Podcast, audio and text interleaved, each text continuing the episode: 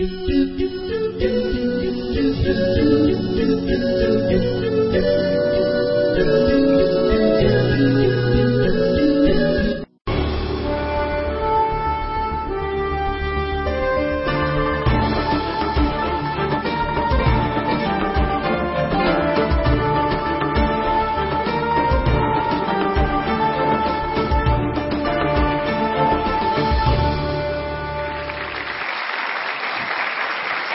عليكم ورحمة الله وبركاته. شكرا لكم وأهلا بكم ومرحبا مع برنامجكم الوسطية على قناة الرسالة. الوسطية برنامج حواري. نأخذ فيه إحدى القضايا التي تهم المسلمين أو الشارع العربي ونتحاور فيه. بعض قضايانا تكون فيها اختلافات في وجهات النظر فنحاول أن نقارن وجهات النظر ونحاول أن نصل فيها إلى الوسطية. بعض قضايانا ليست من هذا النوع وإنما أزمة مشكلة. وكلنا متفقين على أنها مشكلة لكن نحاول أن نبحث أين الحل في هذه المشكلة. حوارنا اليوم هو من النوع الثاني. برنامج حلقتنا اليوم عن القراءة عند الشباب بين الفاعلية والهامشية. كنت تكلمت معكم في حلقة ماضية عن الثقافة بشكل عام. واليوم حلقتنا ستخصص عن جزء من قضية الثقافة لعلها أهم جزء في قضية الثقافة وهو موضوع القراءة. هل فعلا كما قالوا أم أمة اقرأ لا تقرأ؟ هل صحيح ما قاله موشي ديان عندما قبل حرب السبعة وستين نشر خطة الحرب؟ فاستغرب المحللون العسكريون ذلك قالوا كيف تنشر خطة حربك؟ قال العرب لا يقرؤون. هل هذا حقيقة؟ طبعا أي إنسان يريد أن ينهض لا بد للنهضة من حضارة ولا بد للحضارة من ثقافة. ولا خيار في قضية الثقافة سوى القراءة لا بد من القراءة والقراءة فعالة فعلا وتستطيع أن تجعلك مثقفا لو أحسنت الاختيار وأحسنت القراءة نحن نريد أن نتحاور في هذا اللقاء عن عن هذه المسألة، هل هناك فعلا أزمة وكم حجم الأزمة في قضية القراءة؟ ما هي مظاهر هذه الأزمة؟ هل هناك أعذار عند الشباب ألا يقرأوا؟ هل المشكلة هي أن البيوت لم تعودهم على القراءة منذ الصغر؟ أم أنه نظام التعليم كما أشرنا في حلقة الثقافة هو أيضا يؤثر على نظام أو مستوى القراءة؟ أم أن الدولة لا تشجع أو كما قال أحد أساتذتنا يريد تسطيح الثقافة؟ أم أنه انشغال الشباب اليوم بالفضائيات واللهو والإنترنت وغيرها؟ أم المشكلة الحقيقية هي أن الشباب ما عاد شباب جاد شباب مترف شباب ارتخى. ما هي المشكلة؟ والأهم من هذا ما هو الحل لهذه المشكلة؟ أنا متأكد أن هناك عدة حلول وأنا أعرف عدد من الشباب والفتيات ما شاء الله يعني عندهم ثقافة عالية جدا. بالإضافة إلى علاقات اجتماعية عالية يعني في بعض الناس يتصور أن إذا ارتفع هذا هذا لازم ينخفض. لا فهناك حلول. وسنحاول في هذه الحلقة أن نركز على الحلول ونعطيكم بعض الاقتراحات كيف تقرأوا وماذا تقرأوا وكيف تصبح قراءتكم فعالة أكثر. وإلا فسنضطر أن نعلن موت الكتاب ونحول القراءة إلى هواية منقرضة في العالم العربي. قراءة الشباب بين الهامشية والفاعلية هي موضوع حلقتنا اليوم. وسعيد بوجودكم معنا وسعيد بوجود أساتذتي الكرام الذين شاركوا معي في حلقة الثقافة. نكمل معهم الحديث اليوم عن موضوع القراءة. واسمحوا لي أساتذتي أني أسأل الشباب سؤالا ثم أعود إليكم لتعلقوا على هذا السؤال ونبدأ حوارنا. الأخوة الذين والأخوات الذين يشاهدوننا في التلفزيون في كل مكان تستطيعوا بلورة حوارنا في هذه الحلقة من خلال تعليقكم على سؤال المشاهدين الذي تجيبون عليه برسائل الإس إم إس.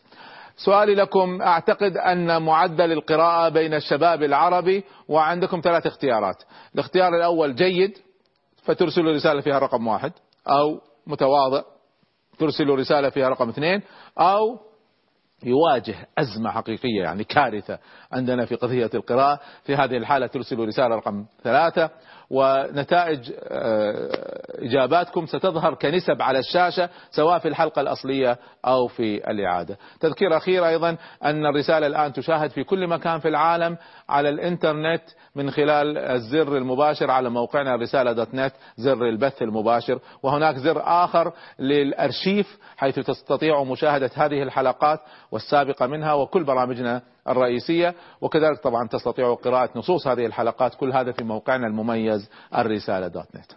الآن سؤالي لكم أيها الشباب وسيكون بداية حواري مع ضيوفي الكرام. السؤال كم كتاب تقرأه في الشهر؟ طبعا قبل ما تجاوبوا لا أحد يضغط الزر. أريد أن أعرف إيش المقصود بالكتابه واحد في كتاب صغير زين وواحد يحسبها كده وبعض الناس يسموها كبسولات. هناك تعريف علمي وهناك تعريف عرفي للكتاب. التعريف العلمي للكتاب حسب تقرير الأمم المتحدة أنه ما زاد عن 49 صفحة. هذا التعريف العلمي للكتاب. 50 صفحة فوق أكثر يسمى كتاب. أقل من 50 صفحة يسمى كتيب. لكن التعريف العرفي لما نقول كم كتاب تقرأ التعريف العرفي أن نتكلم عن 200 صفحة. 200 صفحة من القطع المتوسط. فاللي يقرأ 400 صفحة ولو كتاب واحد سنحسبها كتابين. واللي يقرأ 100 صفحة حنحسبها نص كتاب تمام؟ فبناء على هذا التعريف كم كتابا تقرأ في كم كتاب تقرأ في الشهر؟ عندكم ثلاث اختيارات. واحد يقول لي ولا كتاب. خلوا بكل أمانة لأن نتائجكم مهمة جدا بالنسبة لنا. اللي ما يقرأ كتاب بكامله يضغط الزر الأول. اللي يقرأ صحف ومجلات طبعا على فكرة لما نقول كتاب لا يحسب منها الكتب الجامعية والمدرسية. عشان ما قبل ما تضغطوا الأزرار بس. نتفق. فالكتب الجامعية كتب الدراسية لا تحسب في الثقافة والقراءة. الصحف والمجلات والقراءة في الإنترنت إلا إذا ستقرأ كتاب كامل بالإنترنت لكن قراءة مقالات وكذا لا تحسب. أي قراءات يعني غير الكتب إحنا نتكلم عن كتاب. ما حنحسبها في هذه المعادلة. واضح؟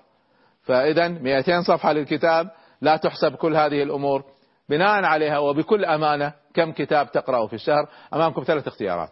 اللي يقرأ اللي ما يقرأ ولا كتاب يقرأ الأشياء الأخرى لكن ما يقرأ كتاب بكامله يضغط الزر الأول. اللي يقرأ كتاب واحد أو كتابين كل شهر يضغط الزر الثاني. واللي يقرأ ثلاثة كتب أو أكثر يضغط الزر الثالث. تفضلوا صوتوا لو سمحتم. بناء على تصويت الشباب سأخذ شوية تعليقات منهم ثم سأبدأ بحواري مع أساتذتي المميزين بعد الفاصل إن شاء الله.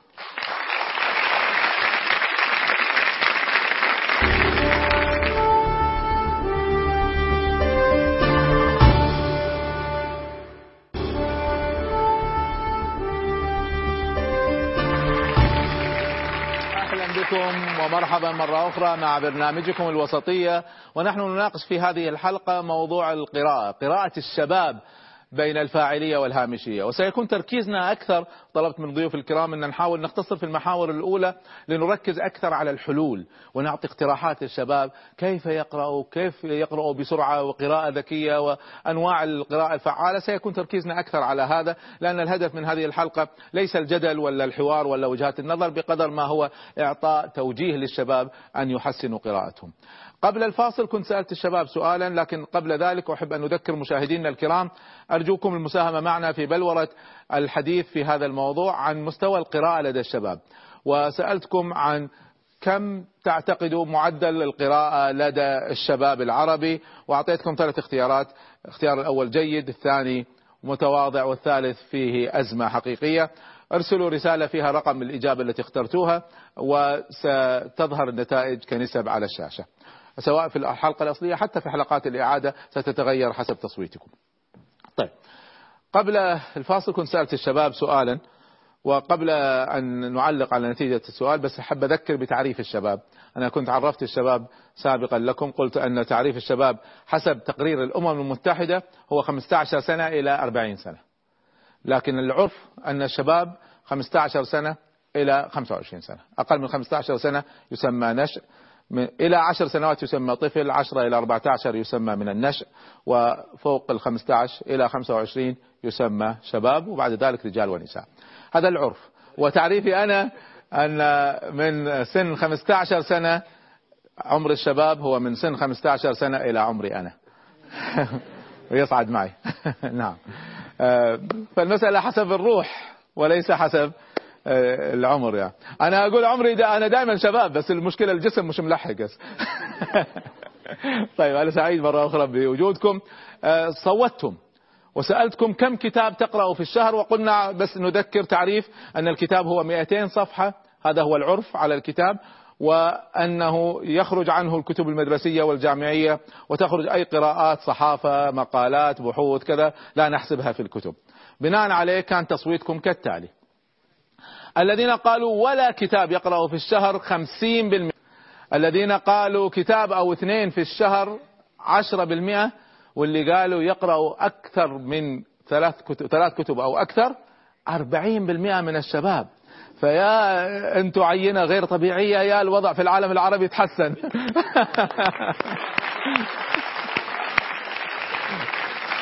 فالنتيجة نتيجة الحقيقة أنا ما كنت متوقعها. كنت متوقع ثلاثة أو أكثر تكون هي أقل النسب. فخلونا ندردش شوية مع الشباب نسمع. فناخذ ناخذ بنتنا اللي فوق تفضلي. آه، بسم الله الرحمن الرحيم. آه، هو أنا شايفة بصراحة إن أنا عن نفسي تصويتي كان ولا كتاب. ولا كتاب. فلقيتني دلوقتي بقى في وسائل بس إحنا نطلب منك أن تتوبي. ان شاء الله. آه هو أنا حاسة إن دلوقتي بقى في وسائل للثقافة أو ناخد المعلومة آه غير الكتاب كتيرة زي الإنترنت أو أو الأخبار في الجامعة أو أو يعني في وسائل كتيرة. فالكتب ما بقناش بنلجأ ليها للصعوبة يعني. إيش اسمك يا بنتي؟ آه شيماء. شيماء تعتقدي إن المصادر الأخرى تغنيك عن الكتاب؟ هو طبعا مش لا يعني الواحد لما بيكون بيقرأ الكتاب بيبقى فيه دقة أكتر إن هو بيفتكر المعلومة بشكل هل الكتاب أكتر. فقط معلومات؟ آه ثقافة كمان يعني معلومات في آراء وفي فكر وفي توجيه وفي تلخيص وفي ترتيب. يعني أنا ممكن أحصل معلومات لكن الكتاب يجمع كل هذه المعلومات ويعطيني إياها جاهزة صح؟ طيب شكرا يا بنتي. ناخذ بنتنا اللي في الأمام. ممكن نوصل الميكروفون. بسم الله الرحمن الرحيم. أنا اخترت الإجابة الثانية كتاب أو اتنين. مش لحاجة أنا بحب القراية جدا. لكن الوقت والجامعة وظروف الحياة وكده ومشاغل نعم. أغلبية الوقت بيبقى رايح فيها يعني. نعم. طيب يعني في سنك أنت في في السن الجامعي. أيوة. في تقديرك حسب مشاغل الطالب والطالبة الجامعيين كم كتاب غير الجامعة كتب الجامعية مفروض تقرأه في الشهر؟ كحد أدنى. المفروض حد كحد يعني كحد أدنى كتاب على الأقل يعني. كتاب واحد كتاب على الأقل. ما يعني ما يعني. طيب أنا راح أعطيكم بعدين الحد الأدنى المقبول. طيب بس أنا عاوز أسمع منكم. طيب شكرا يا بنتي. ناخذ ابننا الكريم تفضل.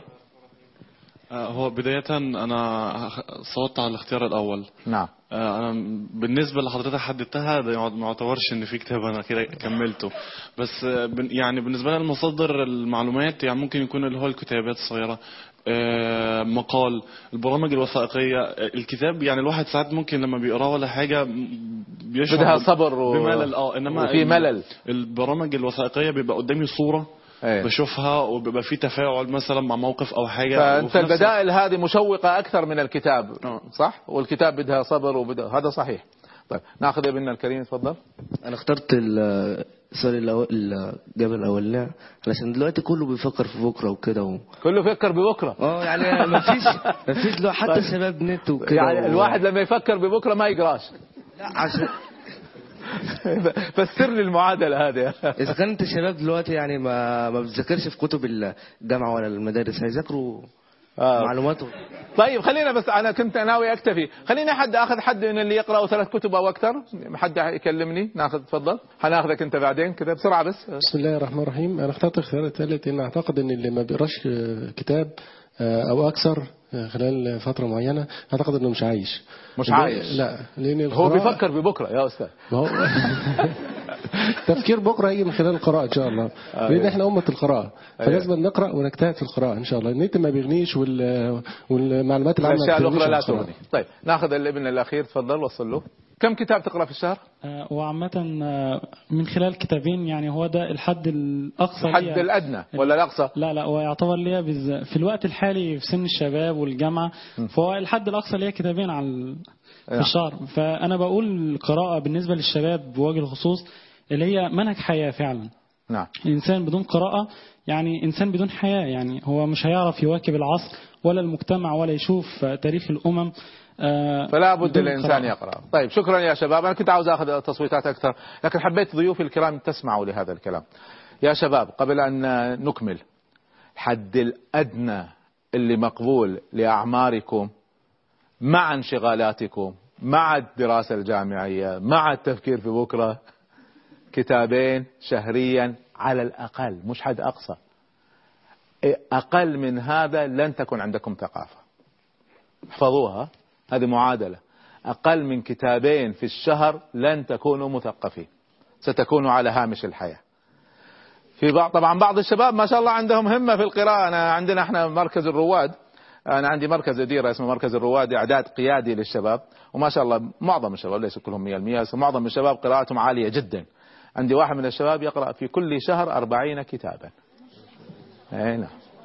طيب ف لا حد يقول لي أنا مشغول وما أعرف وكذا سنعطيكم بعض المعادلات من خلال هذه الحلقة. أنا شخصيا لأني مشغول جدا أقرأ حوالي عشر كتب شهريا. طبعا ليش؟ لأن هناك طرق في القراءة جديدة وفعالة. أنا الكتاب يأخذ معي ساعة إلا ربع إلى ساعة بحد أقصى. هناك طرق فعالة في القراءة. نتكلم عن 200 صفحة ونقرأها في ساعة إلا ربع إلى ساعة. طيب سأعطيكم بعض هذه المعادلات سيساهم ضيوفي معي في هذه المسألة وذلك هذه هي أهمية هذه الحلقة أنها ليست فقط عندنا مشكلة وإنما كيف نحل هذه المشكلة وسنعطيكم بعض المراجع والتوجيهات في هذه المسألة. سنبدأ بأستاذنا هشام حمامي سعيدين بك يا دكتور أنت طبيب أصلا وأنت مدير المركز الثقافي لاتحاد الأطباء العرب. وطبعا عندك سلسلة اسمها المعرفة قوة. أنا أريد أن أسألك سؤال بالإضافة لتعليقك على هذا الإحصاء وتوجيهك للشباب في قضية القراءة بشكل عام. أنا لاحظت أن كتبك كلها صغيرة كبسولات. سمبليفايد إيه نعم. ليه اتجهت هذا الاتجاه؟ هل لأن الشباب لا يقرأ؟ فعلق لي على الإحصاء وأجبني على هذا السؤال. من هو فضلك ال- الإحصاء آه، يعني مش ما أعتقدش إن هو معبر قوي عن واقع الحال على مستوى الأمة كلها. نعم. يعني يمكن هذه الشريحه شريحة.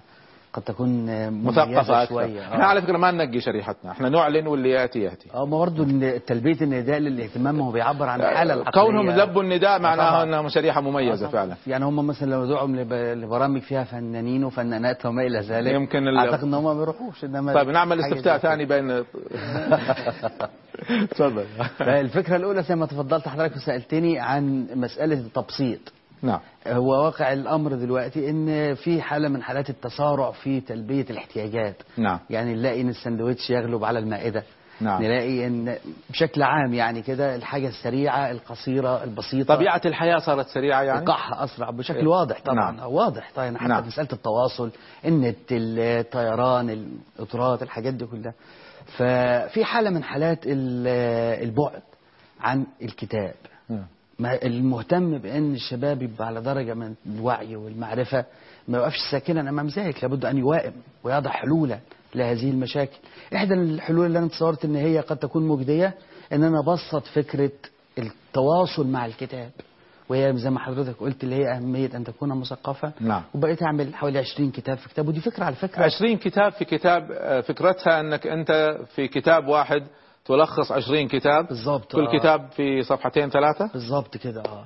بس هذا هل هل يعطي ثقافة هذا دكتور ولا؟ بوابة. بوابة جميل. يضع يضع قدمه على الطريق لأن هو يعني أنت هدفك في. هذه المسألة أنك لو وهذا مثال مسألة جدا لطيفة أن الواحد يقرأ تعريف بالكتاب. بالظبط آه. فإذا شاف أن الكتاب فعلا موضوع يهمه ومدخل جيد بعد ذلك يرجع للكتاب نفسه ويقرأه. وعلى فكرة الظاهرة دي موجودة في أوروبا وأمريكا. أوه بشكل, بشكل كبير آه. جدا. إحنا طبعا عندنا في مصر دار الشروق حاولت إن هي تعمل كده وعملت وفي وجهات نظر. في الكتب الإدارية في خلاصات, وخلاصات، وشعاع وكذا يعني آه. فكلها تجارب تشجع على هذا طبعا هي آه. مأخوذة على فكرة من تجارب غربية أصلا بالظبط نعم. نعم. بس أنا تصورت ان هي فعلا حل لأن في بعد عن الكتاب سواء لقصة الفلوس وتكاليفه سواء للانشغال وعدم نعم. التركيز في المسعى شكرا دكتور دكتور سليمان الدقور سعيدين بوجودك معنا. أنت أستاذ التفسير وعلوم القرآن في الجامعة الأردنية وأتيتنا من عمان. حياك الله. الله يحييك. آه، لك برنامج إذاعي مع الشباب عن مشكلات وحلول وطبعا موضوع القراءة والثقافة هي أحد اهتماماتك وموضوع تدريس الثقافة الإسلامية في الجامعة لغير طلبة الشريعة أيضا. فأول شيء تعليقك على الإحصاء. ثم سؤالي لك عن تقديرك لحجم الأزمة وإذا في لها مظاهر غير قضية القراءة هذه. أولا بسم الله الرحمن الرحيم الحمد لله والصلاة والسلام على رسول الله. آه، بادي بد يعني النسبة حقيقة أعجبتني كثيرا ذاك أني كنت أتوقع أن يعني تكون النسبة الغالبة ولا كتاب لكن يعني الدكتور آه، أوضح أنه هذه إن شاء الله نخبة مميزة إن شاء الله. وأسأل الله عز وجل أن يكون هذا انعكاسا أيضا على باقي يعني شرائحنا في أنت ما تعتقد المجتمع. أن صار تغيير في الشباب وبدأت قضية القراءة تزداد عندهم آه، يعني هي لا نستطيع أن نف- أن نفردها عن قضية الثقافة موضوع الحلقة السابقة أي نعم ولذلك يعني أنا كنت متفائلا عند حديثي عن الثقافة نعم. لكن عند القراءة غير متفائل ليه؟ لأني أظن, أظن أن البعض يعني يستطيع أن يحصل الثقافة في جزء بعيد قليلا عن الكتاب من الإنترنت تماما. ولا غيره ولا. كذا نعم على ما اتفقنا عليه من تعريف الثقافة نعم. لكن التعامل مع الكتاب في أهميته وضرورته وطبيعته لا شك أنها معادلة ينبغي أن نقف عندها كثيرا لأن لا يهمنا فقط المعلومة وإنما منهج التعامل مع المعلومة المعلومة الذي يمنهج عقل الإنسان وينمذج على طريقة لتفعيل هذه المعلومة في تحويل. المعلومة إلى وعي. وتحويل تحويل الوعي إلى سلوك تماما. هذا اللي لخصناه إحنا في المرة أيوة. اللي فاتت ولذلك يعني أقول نحن أمة اقرأ وأول بيان هو اقرأ. اقرأ تماما؟ نعم. وخلق الإنسان في القرآن جاء بين قراءتين وبين علمين. اقرأ باسم ربك الذي خلق. خلق الإنسان من علق. اقرأ وربك الأكرم. نعم. وجاء قوله تعالى الرحمن علم القرآن. خلق الإنسان علمه البيان. نعم. لكن نتهم نحن أننا أمة لا نقرأ وإذا قرأنا لا نفهم. أنا لي تعديل عليها. نقول نحن أمة لا نقرأ صح. لكننا إن قرأنا لا ننتج. نفهم بس ما ننتج. نفهم نعم, نعم. نعم لكن لا ننتج. نعم. وهنا أكثر خطورة في تعاملنا مع ال- ال- الكتاب حقيقة. آه، يقولون شراء ال- ال- الكتب يورث العلم. هذا نعم. سمعت من علمائنا.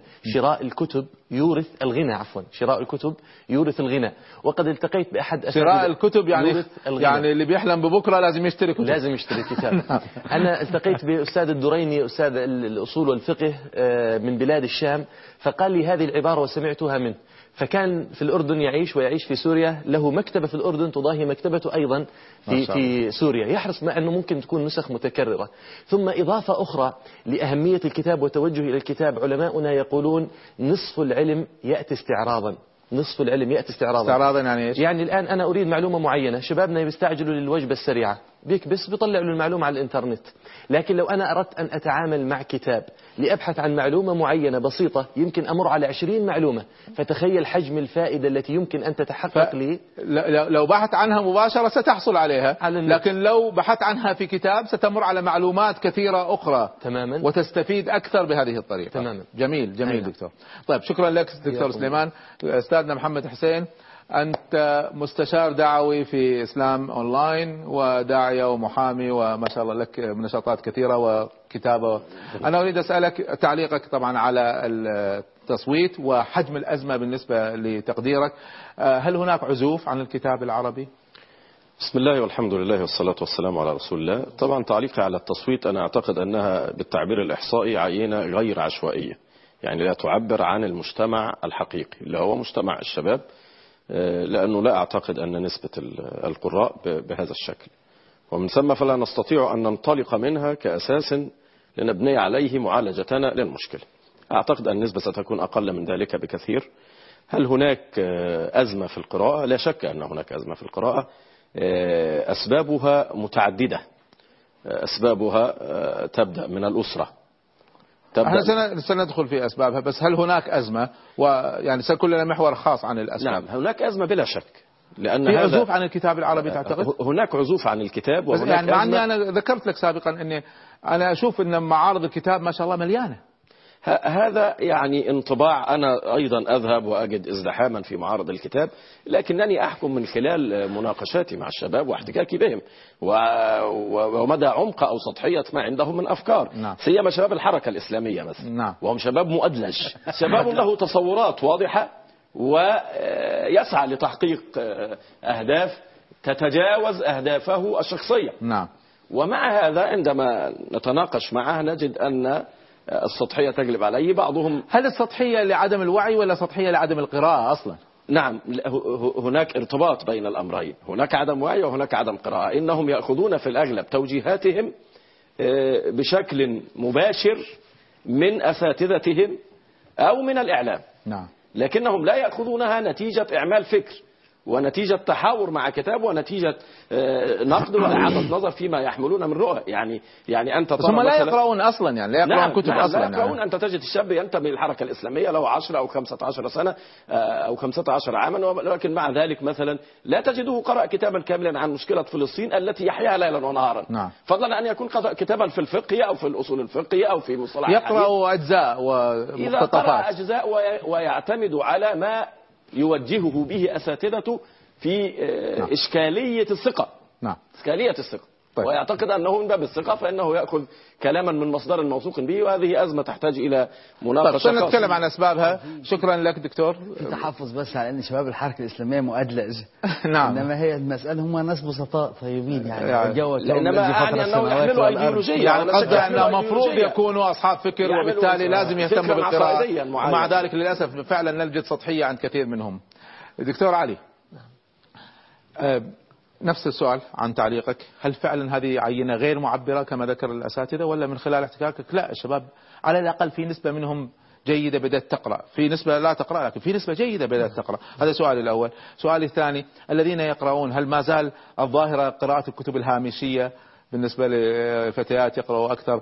الطبخ والأشياء هذه والشباب والفتيات يقرأوا السحر والتفسير الأحلام هل هذه ظاهرة كانت موجودة هل ما زالت موجودة؟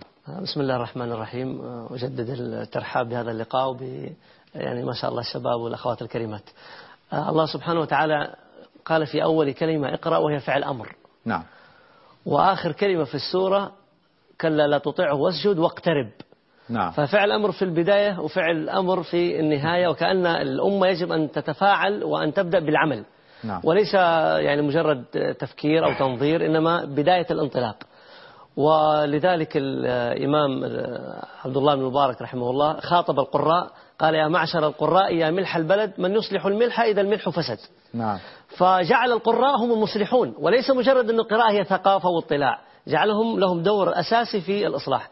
هذه العينة الموجودة أعتقد أنها مؤشر. لوضع صح صحي جيد نراه تعتقد أن عينة معبرة ولا عينة خاصة هكذا؟ لا أقول؟ خاصة لكنها مؤشر ممكن تكون كنموذج لمجموعات نراها الآن ونبصرها. يعني أنا قبل يمكن سبع سنوات أو خمس سنوات قدمت مشروع مع مجموعة من الزملاء سميناه مبتدئ ومرتقي ومثقف يعني هكذا يعني كتسميات. ووضعنا لهم مجموعة من الكتب قراءة يعني يمكن حول السبعين كتاب. في خمسين صفحة وفي مئة صفحة. فأذكر مثلا أنهم مروا على سلسلة الدكتور عمر الأشقر في العقيدة. نعم. مروا في سلسلة في التاريخ الإسلامي. وأنا أضع المشروع وكان اللقاء كل أربعاء يناقشون في الكتاب يعني يسألون ويجيبوا ويصير في تحليل على المعلومات. حقيقة كانت النتائج مذهلة للغاية. هؤلاء الشباب اللي كانوا في حلقات قرآنية أو في برامج في الحي ثبت لدينا أن عندهم فاعلية وقدرة على استجابوا للقراءة وتفاعلوا معها. استجابوا علما أنه ما في هناك أموال تدفع لهم أو أشياء فيه رغبة حقيقية لكن يحتاجون إلى موجة. تحفز حفزتم الرغبة التي لديهم. نعم فأنا أقول الشباب عندهم قابلية لهذا الأمر. وبدل أن نقول الشباب الدعوة الإسلامية أو الحركة الإسلامية لا يقرؤون هم في الحقيقة يحتاجون إلى موجهين. فقط توجيه. فقط توجيه ولا قابلياتهم هشام. كبيرة وأنا لا أؤيد. آه طبعا. لا ننسى إن أحد الرواد الكبار ل- ل- لحركة الإصلاح الإسلامي وصف ال- ال- ال- المفروض إن هو يكون جزء من الحركة الإسلامية يعني يكون مثقف الفكر. نعم. في الوقت الإمام حسن البنا أشار إلى هذا رحمة. الله عليه نعم. آه. نعم. طيب قبل أن ننتقل إلى المحور الثاني والأسباب أنا جمعت مجموعة من الإحصاءات أحب أن تشاركوني فيها ويشاركنا الشباب اللي معنا وتشاركونا جمهور المشاهدين فاسمعوا معي بعض الإحصاءات. طبعا القاعدة أنه لكي تحافظ على مستواك في أي مجال من مجالات الحياة والعلم لابد أن تقرأ ما في خيار. عشان ما تنزل يعني ما يسبقك الآخرين عشان تكون متوسط افريج لازم تقرأ معدل 4000 كلمة شهريا كلمة. أو 50 مليون كلمة سنويا أو ما يعادل ما ذكرناه كتابين شهريا. هذا هذا تقرير اليونسكو وهذا هو الحد المتوسط. ما أتكلم عن واحد فذ ما أتكلم عن الحد الأقصى يا شباب. فقط عشان لو تخرجتوا في أي تخصص هندسة طب علوم أي شيء شريعة غيره إذا ما تقرأوا بهذا المقدار لن تكونوا متابعين لعلمكم لمستواكم. هذا أول تقرير أول إحصاء. طيب في تقرير لليونسكو أن العربي إذا شلنا إذا ألغينا الكتب المدرسية والجرائد والقراءات الأخرى وأخذنا الكتب. يا سادتي الكرام لو قسمنا كم يقرأ العرب من ساعات ودقائق على عدد العرب يطلع متوسط قراءة الشخص العربي ست دقائق في السنة.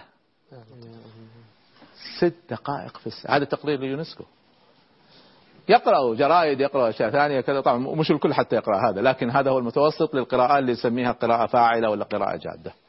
كتاب واحد سنويا يصدر مقابل 350 ألف إنسان عربي في كل سنة. كتاب واحد ل 350 ألف. مقارنة مع أوروبا كتاب واحد لكل 15 ألف شخص. إحنا عندنا ل 350 ألف. هم عندهم كتاب سنويا لكل 15 ألف شخص.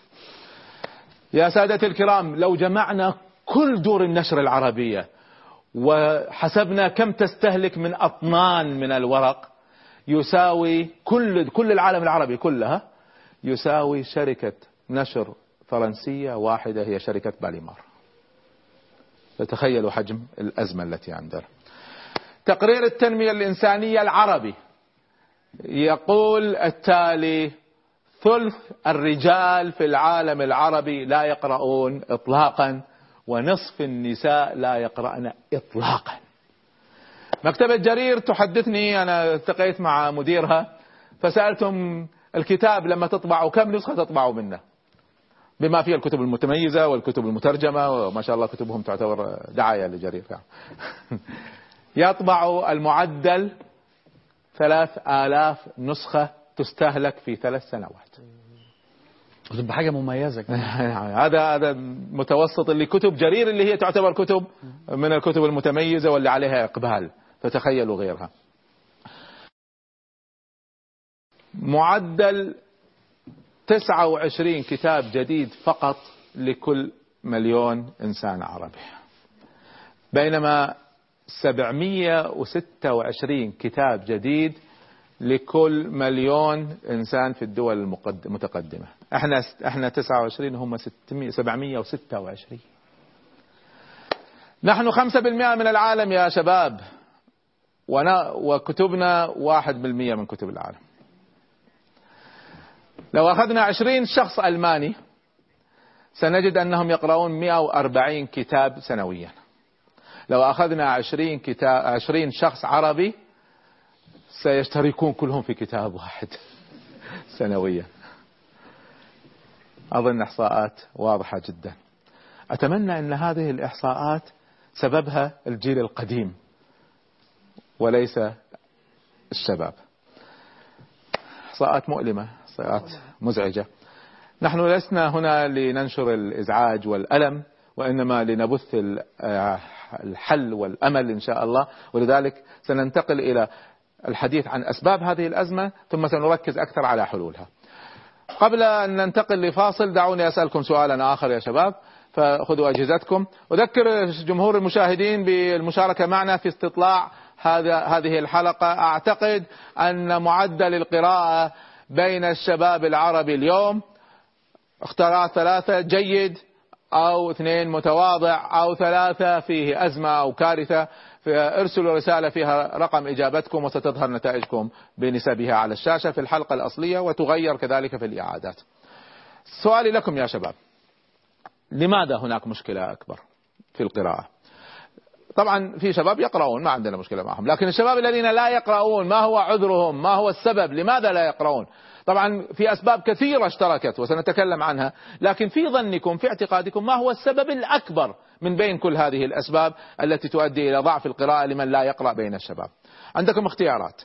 الاختيار الأول هو الذي ذكره بعض الشباب والله أنا مشغول في الجامعة وبفكر ببكرة وزين ويمكن بعضهم مشغول برزق ولا غيره يعني. فمشغول. وقد يكون مشغول بأشياء يعني رياضة ولا مشغول واحد مشغول ما عنده وقت.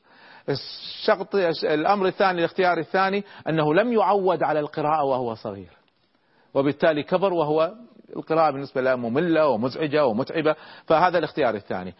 الاختيار الثالث أن الكتاب العربي نفسه هو مشكلة. لو, لو, لو الكتب العربية تنتج بطريقة تأليف جيدة وبإخراج جميل وكذا كان شجعتني على القراءة. والدليل أنه لما ظهرت كتب فيها هذا الإخراج الجيد الناس قرأتها.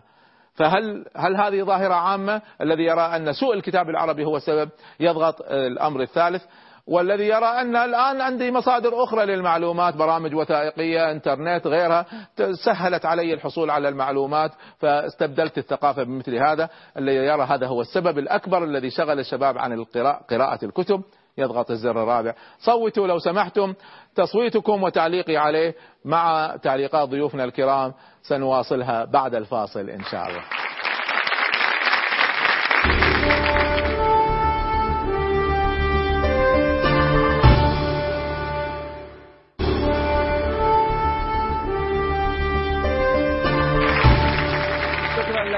أهلا بكم ومرحبا مرة أخرى مع برنامجكم الوسطية. ونحن في حلقة عن القراءة لدى الشباب بين الفاعلية والهامشية. ونحن أخذنا حجم الأزمة وذكرنا إحصاءات خطيرة وكبيرة بالنسبة للعالم العربي وحجم الأزم أزمة القراءة في العالم العربي. أتمنى تكون الأزمة ليست في الشباب لكن طبعا الشباب 60% من أمتنا اليوم. 60% من العالم العربي هو في سن الشباب. فنحن نتكلم عن شيء خطير جدا. طيب سألتكم قبل الفاصل سؤالا وعن أسباب هذه الأزمة.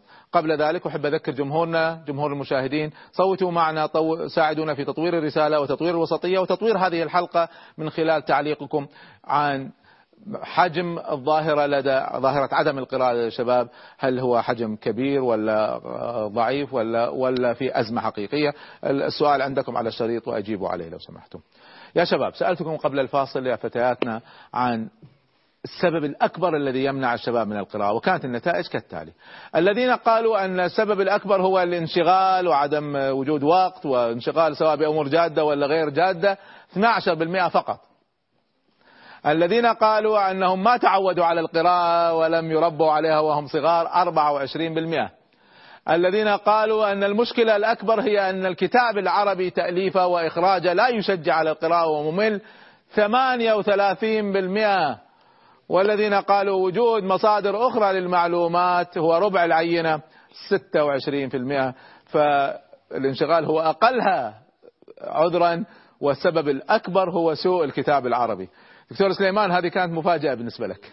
علق لي عليها لو سمحت. الله يكرمك. أنا توقعت والله أن يكون النسبة الأعلى هي نسبة الانشغال. نعم. آه لكن يمكن الآن خطر ببالي لو أضيف لها سببا آخر نعم. وهو هل آه لأهمية الكتاب في الأزمة التي نعيشها دور أن نقرأ أو أن لا نقرأ؟ بمعنى آخر نحن نقول في عندنا أزمة قراءة. لكن أزمة القراءة هذه نحن نريد أن نخرج منها لأجل ماذا؟ قبل قليل يعني ما في هدف واضح للقراءة. تماما. نعم. ولذلك أنت قبل قليل دكتور يعني يعني ذكرت مجموعة من النسب وذكرت فرنسا. إحنا ما نقدرش ننكر أن فرنسا مركز للثقافة والترجمة. طبعا. أنا أقول الآن مثلا لماذا لا نعطي نسبة عن اليابان؟ نعم. كم عدد الذين يقرؤون فيها؟ أتوقع أنها تكون أقل من العرب. أتوقع. لا لا الصين. اليابان نسبة أعلى من العرب. طب الصين؟ الصين مع عدد الصين السكان قد تكون مساوية هل حال, أقل. هل حال ذلك بينهم وبين أن يتقدموا؟ لا. هذا الذي أنا أريده. نعم. القراءة عندنا فيها أزمة لكن عندنا أزمة كبرى. نظن أن القراءة يمكن أن تخرجنا منها. نعم. ومن هنا أنا أقول كان يمكن أن يكون في سبب آخر وهو الذي يشمل هذه الأشياء. ويمكن أن يعالجها لو كان واضحا مبلورا وهو الهدف. لماذا سنتحدث عن الهدف؟ لما نتكلم عن حل هذه الأزمة عند الشباب. آه، أستاذ محمد حسين تعليقك على هذه الإحصاءات وهل هناك أسباب أخرى يعني غير هذا؟ سؤال أنا في في أسباب كثيرة كانت في بالي لكن ما يعني إحنا ما حبينا نحط أكثر من أربع أسباب. هل وجود آه، ضعف في القدرة المالية محدودية المال ما في ميزانيات لل- للكتب؟ هل هذه عائق في شراء الكتب؟ نعم هو الإحصائية أقرب إلى الصدق في نظري إذ إن الانشغال لا يمثل السبب الحقيقي للقراءة والذي يقرأ يقرأ في أي وقت وفي أي مكان. بعض الشعوب في ال- في الغرب تجده يقرأ في وسيلة المواصلات وهو ينتظر آه، وسيلة المواصلات في أي وقت تجد فيه دكتور أنا في على هذه بس سؤال صغير. أنا ك- عشت في أمريكا فترة طويلة فكنت يوميا أذهب بالمترو من بيتي إلى العمل وأرجع. فكنت ألاحظ ظاهرة. أن الزنوج والإسبانيين في أمريكا ما يقرؤون نعم. بينما البيض الرجل يقرأ. الأبيض يقرأ. ليش؟ هذه تأتي أسباب اجتماعية في في نظري. ونفس الظاهرة عندنا أنها أسباب اجتماعية في النهاية؟ نعم بلا شك. إيه. بلا شك هذا الشباب نتاج وإفراز واقع معين نعم. نحن لا نلوم من زرع فعدم الحنظلة. التعود النسبة هذه أنه هو الأب لا يقرأ الأم لا تقرأ المجتمع لا يشجع القراءة لا. فينتج عن هذا شباب لا يقرؤون لا شك من زرع الحنظلة لا يرتجي أن يستنى السكر من غرسه نعم. هذا نتاج نتاج زرع نعم. لكن ال ال الأسباب هذه أسباب حقيقية أضيف إليها أن هناك مشكلة نشر في العالم العربي هو الشباب أشاروا إلى سوء الكتاب لا, العربي لا أقول مشكلة نشر بصفة عامة. نشر يعني- ال ال ال الكاتب نعم. كما تواجه الناشر نعم. كما تواجه القارئ. الكاتب يبحث عن ناشر ولا يجد بسهولة ناشرا. والناشر في العالم العربي يشتكي من أنه يطبع عددا صغيرا من الكتب وبالتالي يحمل ما, ما. توفي وياه نعم, نعم. و- ويأتي الكتاب غالي الثمن نعم ومشكلة بالنسبة للقارئ أن الكتاب بالفعل غالي الثمن في مجتمع آه، في مشكلة اقتصادية أكثر من نصفه تحت حد الفقر نعم. و- وهذه حقيقة طبعا في. بعض البلاد في بعض البلاد نعم إذا ذلك تكلمت يعني عن مصر كدراسة نعم. حالة فعلا ثمن الكتاب يمثل عائقا كبيرا بين من يريد أن يقرأ وبين آه، القراءة ذاتها أنا بس أحب أعطي شوية أرقام عشان الشباب بس يكونوا معنا في واقع الكتاب العربي أول شيء طبعا آه، فعلا المسألة مرتبطة بالناحية الاقتصادية ارتباط واضح. ولذلك حاليا آه، السعودية هي أكثر بلد تستهلك كتب أو تشتري كتب كنسب. آه، يعني من كتبي من كتب الأستاذ عمرو خالد إلى آخره حوالي 60% من مبيعاتنا هي في السعودية. فهذه ظاهرة واضحة جدا. بس شوية إحصاءات لكم يعني بعضكم شباب وعنده آمال وطموحات. في بعض الإحصاءات نشرت عني وعن أمر خالد وكذا وأن إحنا أصحاب ملايين. طيب. هو ال- ال- اللي اللي وقعوا الخطأ وين؟ بين ال- ال- الإيراد الذي يأتي للناشر أو يأتي لل- للقناة والإيراد الذي يأتي لنا شخصيا. بس أعطيكم شوية إحصاءات. إحنا كمؤلفين من كتبنا يعطونا إذا كان الكاتب متميز ومشهور يعطونا 14% فقط من إيراد الكتاب. 86% من الإيراد يذهب ما بين الناشر والموزع وطبعا تكاليف الطباعة تأخذ 15 إلى 20% والشحن والتسويق يأخذ حوالي 5% لكن عادة الموزع يأخذ 40% إحنا نأخذ 14 فعشان لا تتخيلوا ان والله الكتاب مصدر ثروة ويعني واحد حيصير مليونير هو ليس كذلك. كتاب ليس صنعة الأغنياء بس للعلم يعني. فحبيت أوضح هذا. طبعا لما تحط هذه الإحصائيات بعضهم لجأ إلى رفع سعر الكتاب حتى يعوض كل هذه الخسائر التي أمامه وفي مجتمع يكون في مشكلة مال ستنعكس هذه بشكل واضح. آه، على فكرة في الغرب عالجوها علاج لطيف جدا وأنا مستغرب إن هذا العلاج حتى الآن غير موجود في العالم العربي اللي يسموه الطبعات الشعبية. الطبعات الشعبية، نعم. تفضل دكتور هشام. أنت ذكرتني بالدكتور المسيري نعم. ان هو عمل سيرته الذاتية البذور والجذور والثمار نعم. في طبعتين طبعة الهيئه العامه لقصور الثقافة ونزلت ب 3 جنيه نعم وفعلا يعني هو مبلغ حريص يعني. على كده آه. نعم. وطبعا فاخره عمليه دار الشروق دي وكانت كده يعني. نعم. أنا بس عايز أعلق على فكرة الانشغال وأنا نعم. اتصور إن التعبير ال- الدقيق عنها إنه في فعلا انشغال حقيقي انشغال طبيعي وانشغال مفتعل أي انشغال طبيعي بعاديات الحياة اليومية في الرزق قد, والكذا آه قد تكون زيادة شوية في, نعم. في ظروف معينة متأزمة اقتصاديا واجتماعيا وكده ودي واضحة عندنا هنا في مصر وفي انشغال مفتعل مفتعل يعني إيش؟ اتوجد صنع اوبستكل يعني بقى يعني مق- مقصود. مقصود فعلا. نعم. أو طلبه الجامعة اعلموا ذلك بقى في نظام التعليم والترمات والامتحانات الملاحقة وما إلى ذلك. ما عادش في متسع للحياة الجامعية من أكثر من إن أنت تحاول تشتغل عشان تجيب تدخل ال round وكده وتاخد الدرجات نعم. فكرة الحياة الجامعية اللي هي تخرجك للحياة إنسان مثقف. وإنسان على صله بالكتاب وإنسان على هي المعرفة موجودة والوعي لا. في حرص على إنها لا يعني تكون انت ما زلت على نظرية المؤامرة التي لا ليست. مؤامرة نعم. لا هذا توصيف دقيق لواقع الحال نعم. وي وي ويقول الفرقاء فأنت تقول إنها مقصودة وليست آه، مقصودة. طبيعية يعني أنا هقول لحضرتك حاجة نعم. فكرة الفرعون اللي بيستخف قومه عشان يطيعوه نعم. دي دي ممكن تبقى مطلقة وكبيرة خالص نعم.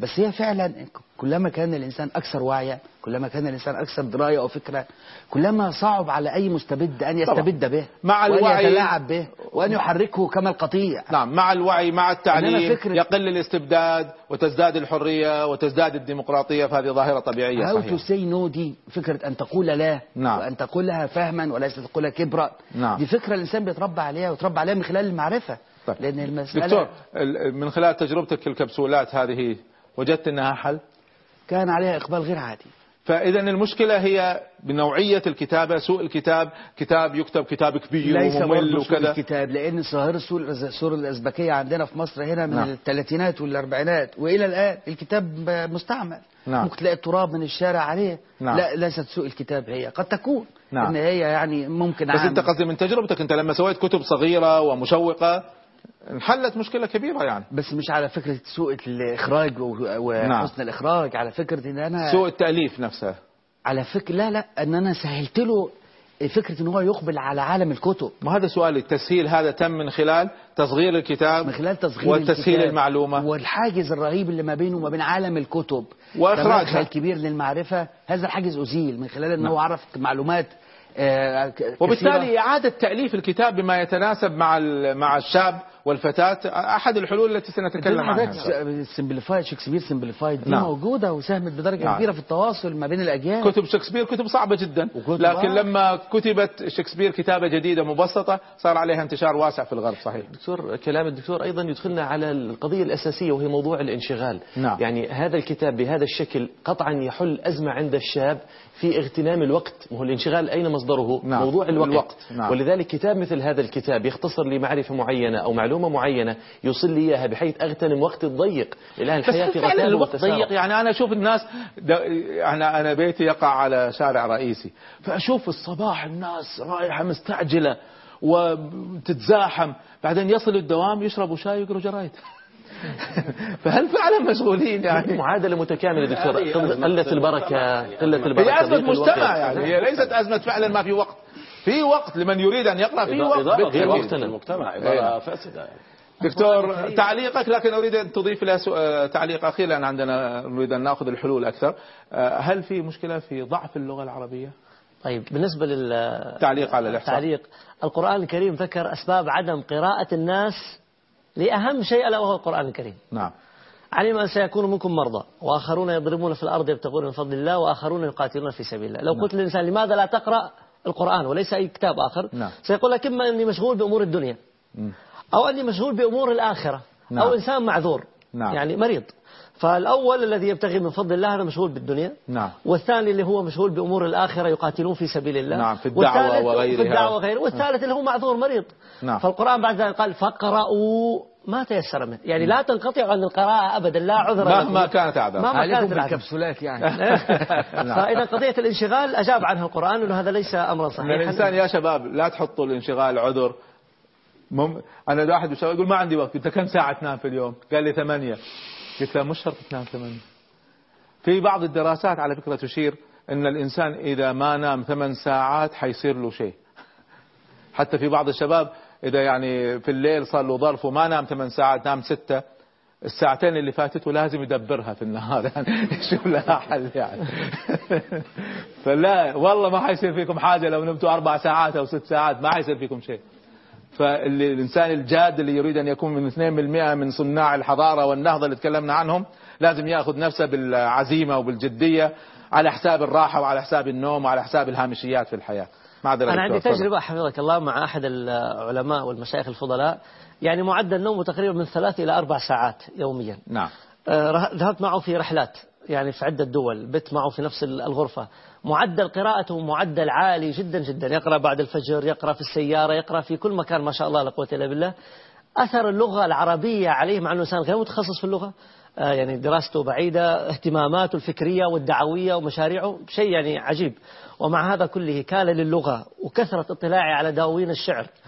وأمر مهم وأنا ألفت له يعني الإخوة والأخوات كان عنده طريقة بعد صلاة العشاء يجمع اثنين أو ثلاثة من يعني المهتمين بالثقافة ويفتحون يبدأون مثلا بدواوين الشعر. نعم. ويقرؤون مع بعضهم البعض ويعلقون وهذا يعطي من كتاب آخر وهذا من ديوان آخر. فازدادت لديهم المعارف والعلوم حتى أصبحوا هم يعني, نعم. يعني يمدون أيديهم بكل سهولة فهذا له تأثير عالي على هل في. ضعف في اللغة العربية عند الشباب؟ بلا شك في ضعف كبير هل يؤثر على قراءتهم له الكتب؟ تأثير على روح الإنسان ونفسيته وسلوكه كذلك يعني هل له تأثير على قراءة الكتب؟ بلا شك لأنه هو سيختار الآن الكتب المتميزة وأنا على فكرة مثل ما ذكر الدكتور هشام هنا أنه طبيعة اختيار الكتاب العربي أريد بس أن أقول كلمة أنا كنت أدرس مادة الفقه في معهد مكة المكرمة وفي مكان آخر يعني. فكنت أتعجب أنه البعض لما يقدم مقدمة الكتاب يقول وقد تعبت على هذا الكتاب ويسرته للطلاب. تجد أن أغلب المعلومات الموجودة فيه هي منقولة من كتب السلف بنفس التعقيد ربما في العبارات نعم. وبالألفاظ. وبالأمانة الذين يتعبون ويجتهدون من مفكري ومثقفي الأمة لإخراج كتب للشباب قلة وأندر من النادر. نعم. فمقدماتهم جميلة ولطيفة طبعاتهم رشيقة ولكن المضمون في الداخل للأسف ليس هو ما زال كتاب معقد. وأسلوب. كلمة أخيرة دكتور عشان ناخذ فاصل. كلام الدكتور علي. أنا امبارح في الحلقة الماضية ذكرت عن حديث السيدة عائشة رووه الشعر. نعم. رووا أولادكم الشعر. وربط بقى ما بين المعرفة وما بين السلوك. زي أيوة. ما ذكرت أنا سابقا أن الثقافة سلوك. رووا أولادكم الشعر فإن كان الجبان لا يشجع وإن كان العاق لا يبر وإن كان البخيل لا يسخو نعم باعتبار إن الشعر تغير السلوك تغير مادة السلوك تأثيرية قوية جدا في نعم. فكره وفي, وفي الروح وراح تقوي اللغة. العربية وتساهم في قراءة آه. الشباب للكتاب طبعا من أصعب الكتب قراءة صايرة بيننا بين الشباب هو قضية الكتب الفكرية بالذات والكتب الفكرية قاعد تكتب بطريقة صعبة وما فيها لا ترتيب ولا جداول وسرد وسرد. وبعدين قالوا من هو المفكر؟ قال الذي يتكلم كثيرا ولا تفهم منه شيئا. لا ده المثقف ده. طيب بعد سنأخذ استطلاع آخر للشباب. جهزوا أجهزتكم مرة أخرى. وأذكر استطلاعنا لمشاهدينا الكرام. ساهموا معنا كم حجم هذه الأزمة أزمة عدم القراءة بين الشباب, الشباب. فمعدل القراءة بين الشباب العربي أمامكم اختيارات. اللي يعتقد أنها معدل جيد يرسل رسالة فيها رقم واحد. اللي يعتقد أنها متواضعة أقل من الوسط وسط يرسل رسالة اثنين. وإذا يعتقد أنها أزمة وكارثة يرسل رسالة فيها رقم ثلاثة. نتائجكم كنسب ستظهر على الشاشة في الحلقة الأصلية والإعادات. سؤالي لكم يا شباب. الآن سندخل في الحلول. المفتاح الأساسي لإعادة الاعتبار للقراءة لدى الشباب وعندكم أربع اختيارات. لابد أن نعيد التعليم. خلوني أشرحها قبل ما تصوتوا قبل ما تضغطوا أي زر اسمعوا للشرح تطوير التعليم هنا نتكلم مش فقط أنه والله التعليم سيء لا. تطوير التعليم بحيث يشجع على القراءة. وعلى فكرة بقول لكم إحصائية أخرى. أنا أعمل شيء يسموه يعني ممكن أسوي لكم إياه إذا صار عندنا وقت اللي هو اختبار سرعة القراءة. كم سرعتكم في القراءة؟ المعدل العادي في البشر هو ما بين 200 إلى 250 كلمة في الدقيقة. 200 إلى 200 طبعا كيف يعمل الاختبار؟ اختبار بسيط جدا. ممكن تعملوا حتى في بيوتكم. أه تاخذوا قطعة من الكلام اللي يعني سهل متوسط ليس صعبا. وتعدوا كم كلمة فيها. فخلينا ناخذ مثلا قطعة فيها 600 كلمة. لو قريتوها في دقيقة فسرعتكم 600 كلمة في الدقيقة. لو قريتوها في دقيقتين فسرعتكم 300 كلمة في الدقيقة. لو قريتوها في ثلاث دقائق فسرعتكم هي المتوسط 200 كلمة في الدقيقة. إحنا نعمل هذه الاختبارات. كم سرعة القراءة؟ بشرط أن الفهم نسألهم 20 سؤال عليها الفهم لا يقل عن 15 جواب صح يعني 75% فإذا لازم سرعة مع فهم. المتوسط العام في العالم هو 200 كلمة في الدقيقة بمتوسط 75% إجابة على الأسئلة. المتوسط العام في العالم العربي إذا حافظنا على نسبة الفهم 75% هو 150 كلمة في الدقيقة. فمن أين جاءت هذه القراءة؟ احفظوها. سرعة القراءة عادة. يتعود الإنسان. حسب اللي عودوه وهو صغير في الابتدائي. فلما نتكلم عن تطوير التعليم ما نتكلم عن تطوير التعليم بشكل عام. تطوير التعليم بما يساعد على سرعة القراءة وعلى تحبيب القراءة. هذا الذي نقصده في الجانب الأول. الاختيار الثاني هو تحفيز التأليف وتحفيز القراءة. تحفيز التأليف والقراءة له نماذج سنذكرها لكن تعطي الدولة أو المدارس أو المنظمات تشجيع للمؤلفين وتشجيع لمن يقرأ. وهناك يعني مسابقات من يقرأ أكثر يأخذ جوائز أكثر. فهذه الذي قصدناه وسنذكر أمثلة أخرى في تشجيع آه، التأليف والقراءة. الأمر الثالث هو تطوير الكتاب نفسه. إن الكتاب ما يكون سرد وإنشاء ويكون في إخراج ويكون في ترتيب ويكون في تصنيف واضح واللغة مبسطة تتناسب مع الشباب ما في التعقيد الفقهي الذي أشار إليه الدكتور وهكذا. هذا الذي نقصده بتطوير الكتاب. والاختيار الرابع هو التشجيع في البيت. أن الأب والأم ووجود مكتبة في البيت وتحفيز من الأهل للأولاد إلى آخره. أربع اختيارات كلها مهمة. اختاروا واحد فقط تعتقدوا أنه هو الأهم. صوتوا لو سمحتم. نتائج تصويتكم وتعليقاتكم وتعليقات أساتذتي مع محور هام جدا. كيف نشجع الشباب على القراءة؟ كيف نقرأ قراءة أسرع وأذكى وأكثر فاعلية؟ كل هذا بعد الفاصل إن شاء الله.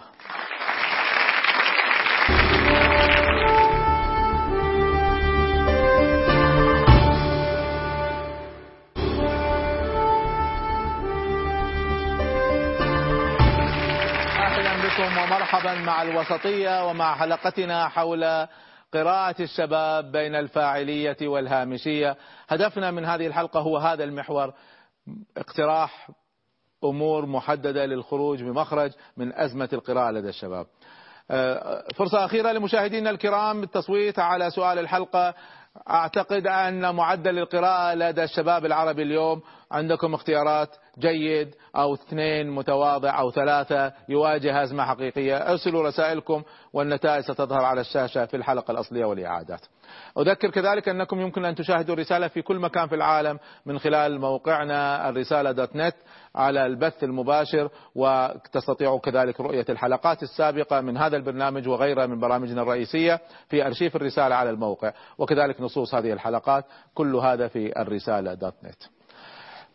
سألت الشباب سؤالا قبل الفاصل وأعطيتكم أربع اختيارات.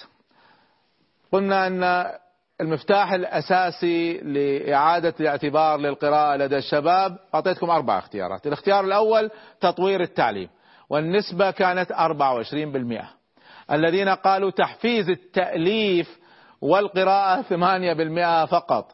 الذين قالوا المشكلة الكبيرة هي في الكتاب الكتاب هو اللي قاعد يصرفنا عن القراءة 50% والتشجيع في البيت 18% فطبعا شوية نسب غريبة وغير متوقعة. آه، دكتور قول تعليقك. أنا كنت أتوقع حقيقة أنه يكون آه، النقطة الثانية تحفيز القراءة والنقطة الرابعة التشجيع في البيت. أقول هذا الكلام يعني تطوير الكتاب. نعم. لو أعددنا أنفسنا مثقفين وقارئين لم تكن العقبة أمامنا. موضوع الكتاب حقيقة. بس بالنسبة للشباب مشكلة. يعني إحنا يمكن دكتور لا متعودين على القراءة. ما يهمنا نقرأ كتاب صعب كتاب سهل. دكتور أخشى انه تكون هذه مشكلة موهومة. نعم. لأنه ابتداء القضية إنه ماذا أقرأ ولماذا أقرأ. نعم. هنا قضية مهمة حينها تبرز أين المشكلة أين العقبة. طيب تحدث يعني عن الهدف هنا مرة واحدة. أنا أقول أقول يعني آه الأول آية نزلت أول بيان قرآني اقرأ باسم ربك الذي خلق. نعم. فالقراءة إذا لم تكن راشدة مرشدة بسم الله يعني لها هدف وهذا الهدف في بناء الإنسان في في ذاته وفي دينه لن تكون فاعلة. في في امتنان الله سبحانه وتعالى على هذه الأمة هو الذي أرسل في الأميين رسولا منهم يتلو عليهم آياته ويزكيهم ويعلمهم الكتاب والحكمة.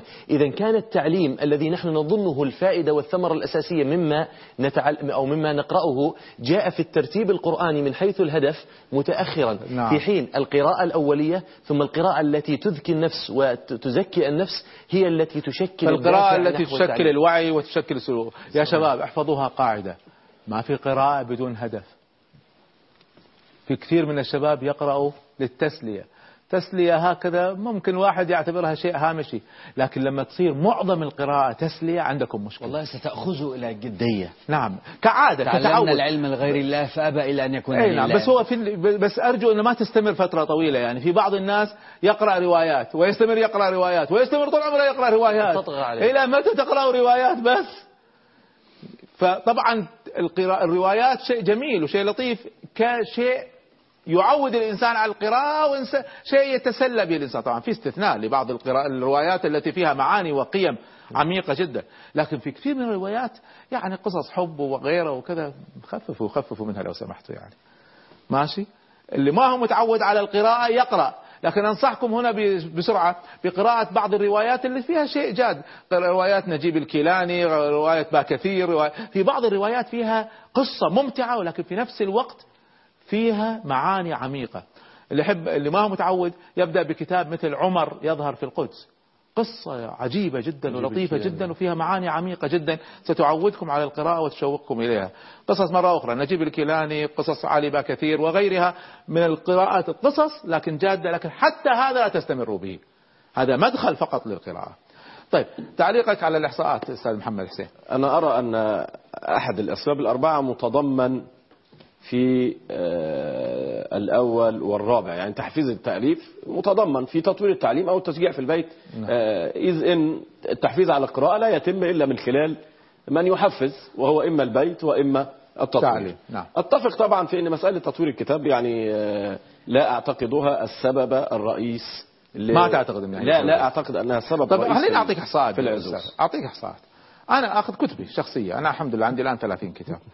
كتبي الأولى كتبتها بكتابة علمية بالطريقة التقليدية.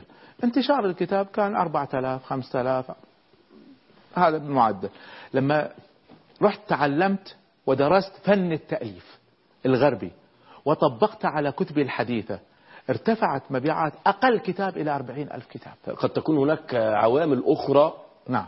تدخل في ارتفاع المبيعات آه، تحتاج لكل الكتب؟ ربما يكون أستاذ، انتشاركم كل كتبي التي قبل الفن كانت معدلات مبيعاتها قليلة. كل كتبي التي بعد فن التأليف مبيعاتها عالية. وذلك أنا قاعد أكتب كتاب اسمه فن التأليف. لا لا ينكر نعم. أهمية طريقة العرض. نعم. لكن بالنسبة لحالتكم الشخصية قد يكون آه، ذيوع صيتكم على المستوى آه، الإعلامي طيب. له دخل لأن أغلب الناس يقتنون الكتاب لاسم كاتبه. نعم. وليس لقيمة طبعا. على فكرة هذا هو الرقم واحد في شراء أي كتاب. رقم واحد هو اسم الكاتب. رقم اثنين عنوان الكتاب.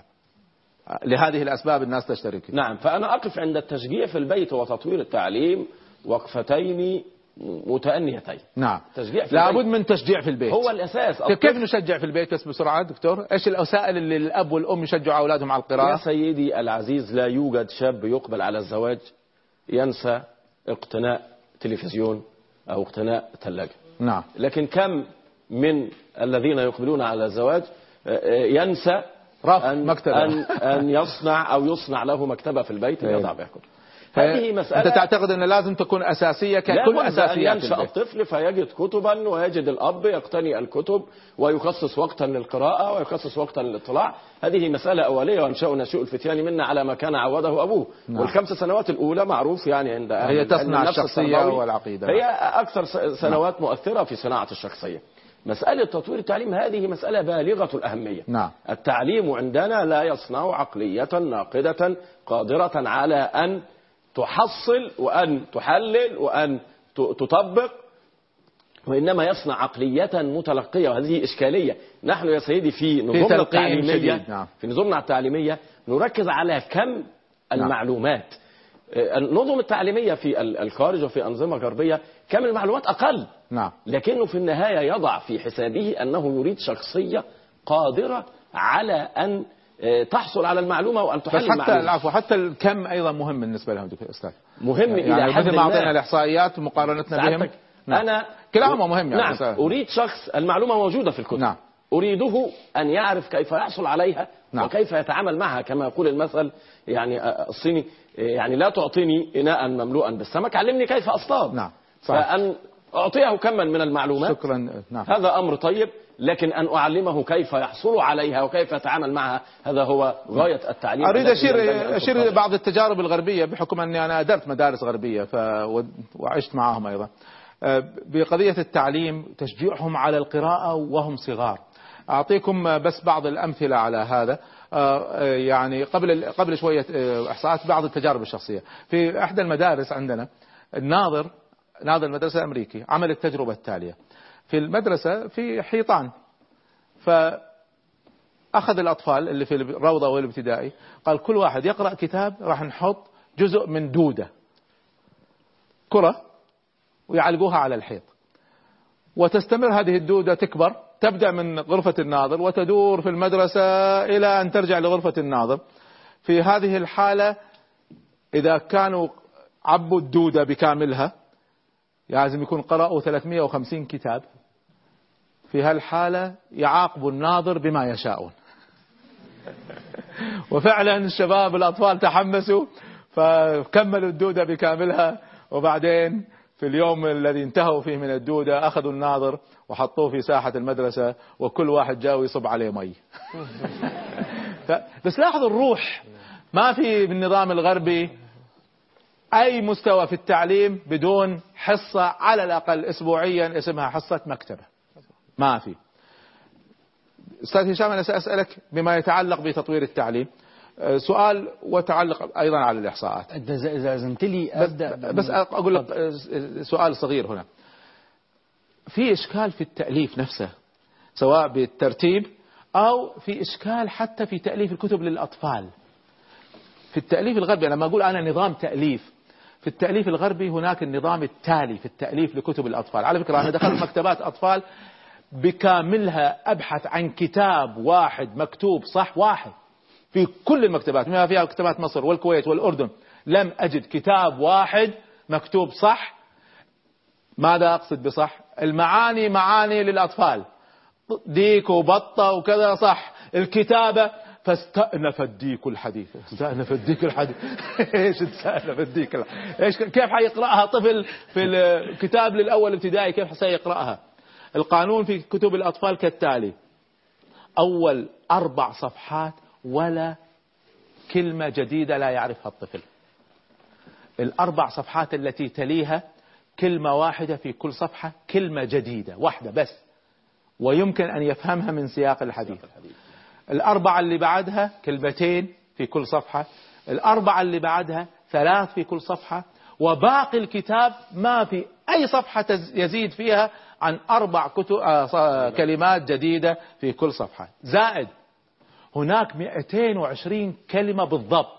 أنا ذكرتهم في كتابي صناعة الثقافة يسمونها سمارت ووردز 220 كلمة تشكل 70% من لغة الأطفال. لازم تشكل 70% من لغة الكتاب. 220 كلمة بس. فإذا حفظوهم ال 220 كلمة حفظوا 70% من اللغة. ليش ما عندنا نحن في العالم العربي إحصاءات؟ ليش ما الكتب تكتب بهذه الطريقة؟ في قانون أخير بالنسبة لكتب الأطفال ما في كلمة أكثر من أربع حروف. طبقوا ما في كلمة أكثر من أربع حروف. طبقوا هذه القوانين لما نتكلم عن تطوير الكتاب هذا أمثلة على الأطفال. لو شئتم أعطيكم أمثلة على كتب الكبار لا أعطيتكم إحصاءات وأرقام مثل هذه. الكتاب عندنا لا يؤلف صح. عندنا مشكلة كبيرة في. المعاني جيدة بس التأليف غلط. مش فقط الإخراج التأليف نفسه فيه إشكال. تعليقك على هذا وعلى الإحصاء. الأول عارف الديك بعد ما استأنف الحديث عمل إيه؟ هبة مزمجره إيش؟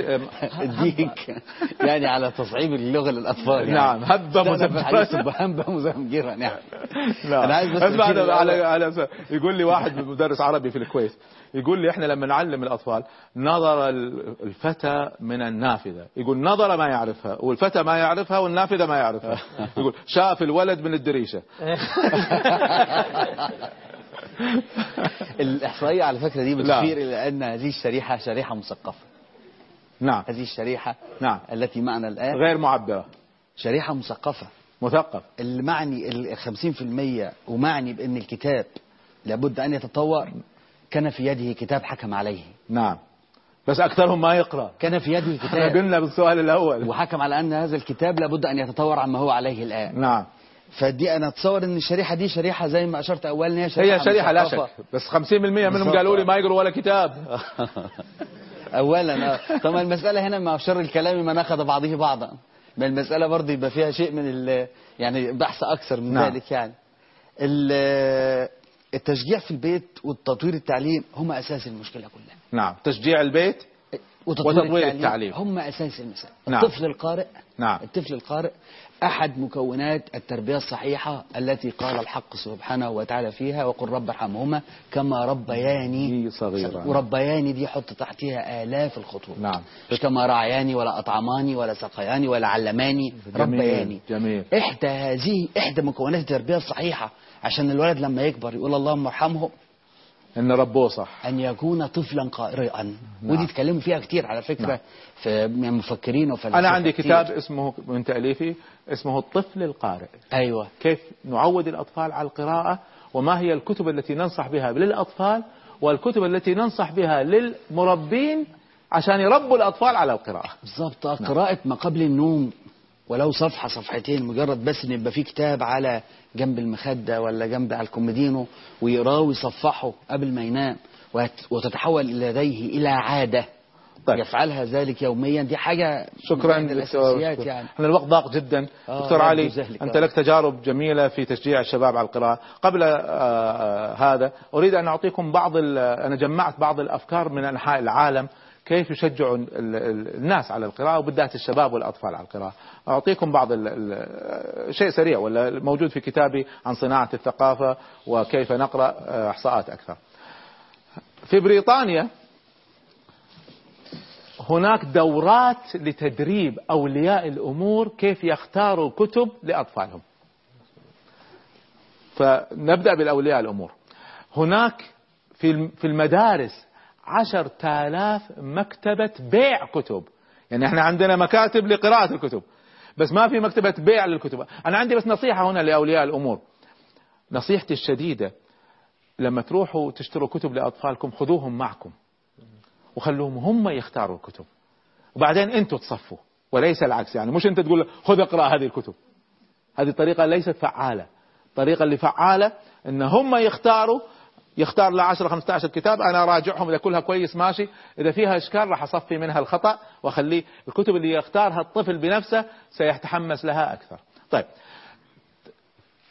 هذه المكتبات اللي هي 10000 مكتبة تبيع بما قيمتها 25 مليون جنيه استرليني سنويا.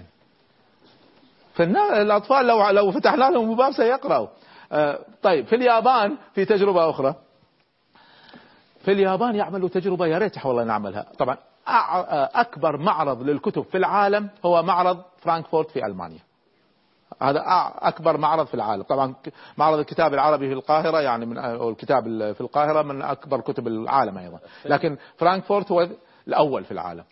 اليابان ماذا تفعل؟ كل سنة ياخذوا مجموعة من المربين المهتمين بثقافة الأطفال. كل سنة يرسلوهم للمعرض. شغلهم يختاروا 200 كتاب وقصة أفضل ما كتب في العالم للأطفال ثم تترجم لليابانية. فيستفيدوا من كل عقول العالم. آه، في باكستان عندهم مشروع لطيف ما- ليس فقط الدول المتقدمة. في في باكستان في مشروع يسمونه مشروع البيتزا أو القروش. حصالة في البيت لكل طفل. تجميع ليس للتبرعات وإنما تجميع لشراء كتب بحيث يجمع في كل شهر ما يسوى كتاب واحد. وإذا كان ناقص الأب ولا الأم يكملوا له إياه وبدأت هذه الظاهرة تنتشر في آه، في آه، باكستان. طبعا تجارب كثيرة. أحب أخ- أختم بتجربة عجيبة جدا جدا. الآن انتشرت في أمريكا لسه لسه ما وصلت إلى باقي العالم، مشروع اسمه أترك الكتاب. هذا المشروع حتى الآن نادي اسمه اترك الكتاب يا دكتور علي سأسألك عن ناديك الآن.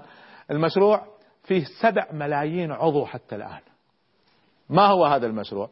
المشروع باختصار أن كل واحد يشتري كتاب يقرأه إذا انتهى من قراءته يضعه في مكان عام يتركه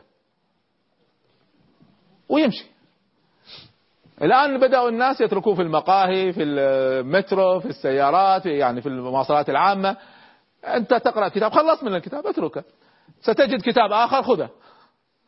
تركه غيرك. إي نعم ترك غيرك. فبدأت الآن هذه الظاهرة التي بدأت بعد اشخاص قليلين بدأت تصير ظاهرة في المجتمع ومن الطبيعي جدا إنك تلقى كتاب موجود على الطاولة وتأخذه تقرأه. هذا صارت ظاهرة. لاحظوا الآن التفنن في هذه المسألة. الوقت ضيق جدا. دكتور أنت دائما تشجع المبادرات. أنا وعدت الشباب قبل الفاصل أني سأعلمكم طريقة كيف تقرأوا بسرعة. فجمهورنا الكريم أيضا إذا تجهزوا أوراقكم سأعطيكم طريقة بسرعة وأشير لكم إلى مراجعها أكثر قبل ما نختم هذه الحلقة. لكن دعونا نختم بكلمة من الدكتور علي حول مبادرات تشجيع القراءة. آه، كنت في زيارة للسويد داخل السجون. نعم. فتعجبت أنه في المكتبة الموجودة كتب للعقاد وطه حسين وغيرها. نعم. فسألنا المسجون يعني دولة أوروبية وقلنا لهم يعني كيف كتب العرب؟ قال أي آه، نزيل عندنا سواء كان عربي الأصل ولا أجنبي إذا طلب أحد الكتب نوفرها له. فإذا كانت من دولة هذا السجين عربي فنوفر له الكتاب من دولة عربية ولذلك تجد هذه المكتبة موجود فيها مثل هؤلاء الرجال تشجع على السجون؟ لا. قطعا لا أشجع على ذلك. عافانا الله والمسلمين. إياك إن شاء الله. لكن دليل أن هؤلاء يظن نعم. يشجع على سجون السويد. نعم يشجع على زيارة السويد. نعم. آه، أنا حقيقة أقول في نفسي أحيانا والله لو خيرت يعني طلب مني طلب معين ماذا تريد؟ ولا يرد لك هذا الطلب. أقول أنا أعود طفلا لسببين. السبب الأول ليس فقط مجرد القراءة المفتوحة لأن الطفل أيضا يريد أن يلهو ويلعب ويمرح ويعيش نفسية حلوة.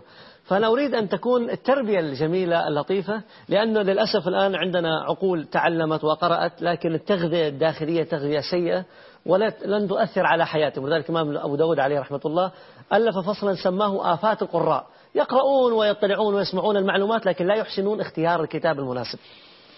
والأمر الثاني أن أعود طفل آه، لكي أتعلم فنون القراءة وأحبها حبا وليس يعني مجرد حشو المعلومات. وإلى الآن يا دكتور أحفظ بيت شعر ونحن في الابتدائية في بلاد الشام كنت أدرس ابتدائية. فبيت لشوقي يقول ألا حبذا صحبة المكتب وأحبب بأيامه أحببي. يا سلام. فلا زلت إلى الآن أحفظ هذا البيت وكلما قرأت الكتاب أتذكر تلك القصة الجميلة. أقول كم أتمنى أن أوفق لكي آه، يعني ألتقي مع إخواني ونقرأ ونستفيد. وأختم بهذه الأبيات. يقول فيها الشاعر علم العليم وعقل العاقل اختلف. بأي منا قد أحرز الشرف؟ فالعلم قال أنا أحرزت غايته. والعقل قال أنا الرحمن بي عرف. فأومأ العلم إيماء وقال له آه، بأين الله في فرقانه اتصف؟ فبان للعقل أن العلم سيده. فقبل العقل رأس العلم وانصرف. يا سلام. فالعلم هو أهم شكرا شكرا لكم جميعا. سامحونا الوقت تقريبا انتهى. أريد أن أختم بكيف نقرأ؟ كيف نقرأ؟ طبعا موضوع عميق. شرحت أنا في مكانين. شرحت في كتاب كيف أقرأ. هذا جزء من موسوعة سميتها صناعة الثقافة مع الابن الفاضل فيصل باشراحيل وهي من أربع أجزاء. صناعة المثقفة وصناعة الثقافة. كيف نقرأ كتاب آخر؟ ماذا نقرأ؟ لا أحد يقول لي إيش أقرأ. كتب محددة في كل مجال. ساعدني في هذا 57 مستشار. كان على على العمري من الذين ساعدونا. دكتور سلمان العودة دكتور عبد الرحمن العشماوي. اشتغلنا فيه أربع سنوات. حتى بس نرشح لكم كتب. اقرأوا يا شباب. في كل مجال. تريد تقرأ في الطب في علم النفس في الإدارة في الإعلام في كل مجال. جبنا واحد متخصص. قلنا واعطينا إياها بالترتيب من السهل إلى الأصعب. فما في عذر. ثم أعطيناكم مناهج للشباب للفتيات للأطفال للف... للنش لكل المستويات حسب الأعمار وحسب الجنس ماذا يقرأ من كتب خلال أربع سنوات. فأعطيناكم جهد كامل بس اقرأوا. على قولة واحد من شبابنا يقول قشرتوها بس كلوها. طيب لما دخلت الجامعة في أمريكا في جامعة بنسلفانيا اشترطوا علي ثلاث أشياء. اشترطوا علينا أولا أن إحنا لازم نتعلم سباحة. ممنوع واحد يتخرج من الجامعة بدون سباحة. واشترطوا علينا ممنوع واحد يتخرج من الجامعة لا يستطيع أن يجري الميل في سبع دقائق. إلا المعوق. ممنوع يتخرج. والشرط الثالث كان لازم يتعلم سرعة القراءة. واللي ما يعرف يقرأ بسرعة ياخذ course في القراءة. مثل اللي ما يعرف يسبح ياخذ course في السباحة واللي ما يعرف يجري ياخذ course في الجري. وأخذت course في السباحة وأخذت course في الجري وأخذت course في القراءة. القراءة شغلتين رئيسيتين. في شيء اسمه speed reading سرعة القراءة وفي شيء اسمه القراءة السريعة. طيب سرعة القراءة شيء والقراءة السريعة شيء ثاني. سرعة القراءة أنا قلت لكم المعدل العام كم؟ 200 كلمة في الدقيقة. هناك دورات وكورسات تعلم الإنسان يزيد سرعته. يا شباب بس للتنبيه. ما في شيء اسمه قراءة تصويرية وقراءة ضوئية هذا كله كلام فاضي. لا تأخذوها كلها شعوذة. وضحك على الدقون ويأخذوا فلوسكم. ما ما تحدث. فلا تعملوها. الشيء الثاني. القراءة السريعة عادة. كما يتعود الإنسان على أمور الحياة. أنا متعود ألبس ساعتي باليسار. لو لبستها باليمين حتضايق. متى تصبح عادية؟ بعد مرور شهر. في بعض الدراسات تقول ثلاثة أسابيع. لكن لا تحدث العادة بعد ثلاث أيام. في بعض الكورسات تقدم ثلاث أيام قراءة سريعة. هذا كلام فاضي. لن تستطيعوا أن تتعلموا القراءة السريعة في ثلاث أيام أو خمس أيام. لن تستطيعوا أن تتعلموا القراءة السريعة بقراءة كتاب. هي تدريب لمدة ثلاث أسابيع أو شهر. للأسف حتى الآن في العالم العربي هذا نادر جدا. سمعت أن في تجربة في الرياض وفي تجربة في عمان في الأردن. هذا اللي سمعت عنه حتى الآن ما اطلعت عليها شخصيا. طيب الشغلة الأخيرة هي كيف أقرأ كتاب بسرعة وأفهم؟ الطريقة اسمها اس Q 3 R أختصرها بسرعة. ال S survey استعرض الكتاب. قبل ما تقرأ أي كتاب تصفح الكتاب. اقرأ المقدمة اقرأ الفهرس وتصفح كل الكتاب. تعرف على الكتاب. هذه الخطوة الأولى. الخطوة الثانية Q question. Question باختصار اسأل. وأنت تتصفح. في أجزاء معروفة عندي ليش أقراها مرة ثانية؟ الأشياء التي أحتاج أتعرف عليها سأكتب على الهامش سؤال. أحط علامة استفهام. ما هو التعريف هنا؟ ما المقصود هنا؟ ما هي العشر أمور هنا؟ فالأشياء التي لا أعرفها سأضع سؤال على الهامش. لا تستخسروا تكتبوا على الكتب. في ناس عاوزينها بيضة زي ما هي. لن تستفيدوا من الكتاب بهذا اكتبوا عليها. بعدين 3 R ال R الأولى read اقرأ. بس ما أقرأ كل الكتاب الأجزاء اللي أعرفها ليش أقرأها مرة أخرى؟ سأقرأ بحيث أحصل على إجابة على الأسئلة اللي كتبتها. ما هو تعريف كذا؟ سأقرأ بحيث أعرف التعريف. ما هي النقاط العشرة في هذا المجال؟ سأقرأ لهذا. اذا لا أقرأ كل الكتاب أقرأ بحيث أضيف لمعلوماتي أشياء جديدة. ال R الثانية هي 3 R يعني R R R ال R الثانية recite يعني سمع. أو أجب على الأسئلة عن غيب. فالآن بعد ما خلصت القراءة بالطريقة التي ذكرتها أمر بسرعة وأشوف الأسئلة اللي كتبتها. هل أنا الآن أعرف إجابتها؟ فاسمع عن غيب. هذا تعريف كذا هو كذا كذا كذا. النقاط العشرة كذا. ذكرت سبعة ما ذكرتها كلها. ماذا أفعل؟ الآر الأخيرة ري ريد اقرأ مرة أخرى بس ليس كل الكتاب. اقرأ الجزء اللي فاتك ما تذكرته فقط. ماذا سيحدث هنا؟ الكتاب أكون قرأت أسرع وفهمت أكثر. في كل الإحصاءات الذي يقرأ من الجلدة إلى الجلدة ويختبر في الكتاب درجاته دائما أقل من الذي يقرأ بس S Q 3 R ويختبر في الكتاب. ما في مقارنة. أسرع وتزيد الفهم. من يريد شرح تفصيلي لها وتدقيق موجودة في كتاب كيف أقرأ وموجودة بشرح بالصوت وبالفيديو في ألبومي فن إدارة الوقت. شوية دعاية ليست مقصود الدعاية منها الهدف منها هو فائدتكم إن شاء الله. أرجو أن تكونوا استفدتوا واستمتعتوا معنا في القراءة وتزيد فعاليتكم فيها ولا تكون هامشية إن شاء الله وتزيد وسطيتنا جميعا. شكرا لكم. السلام عليكم ورحمة الله.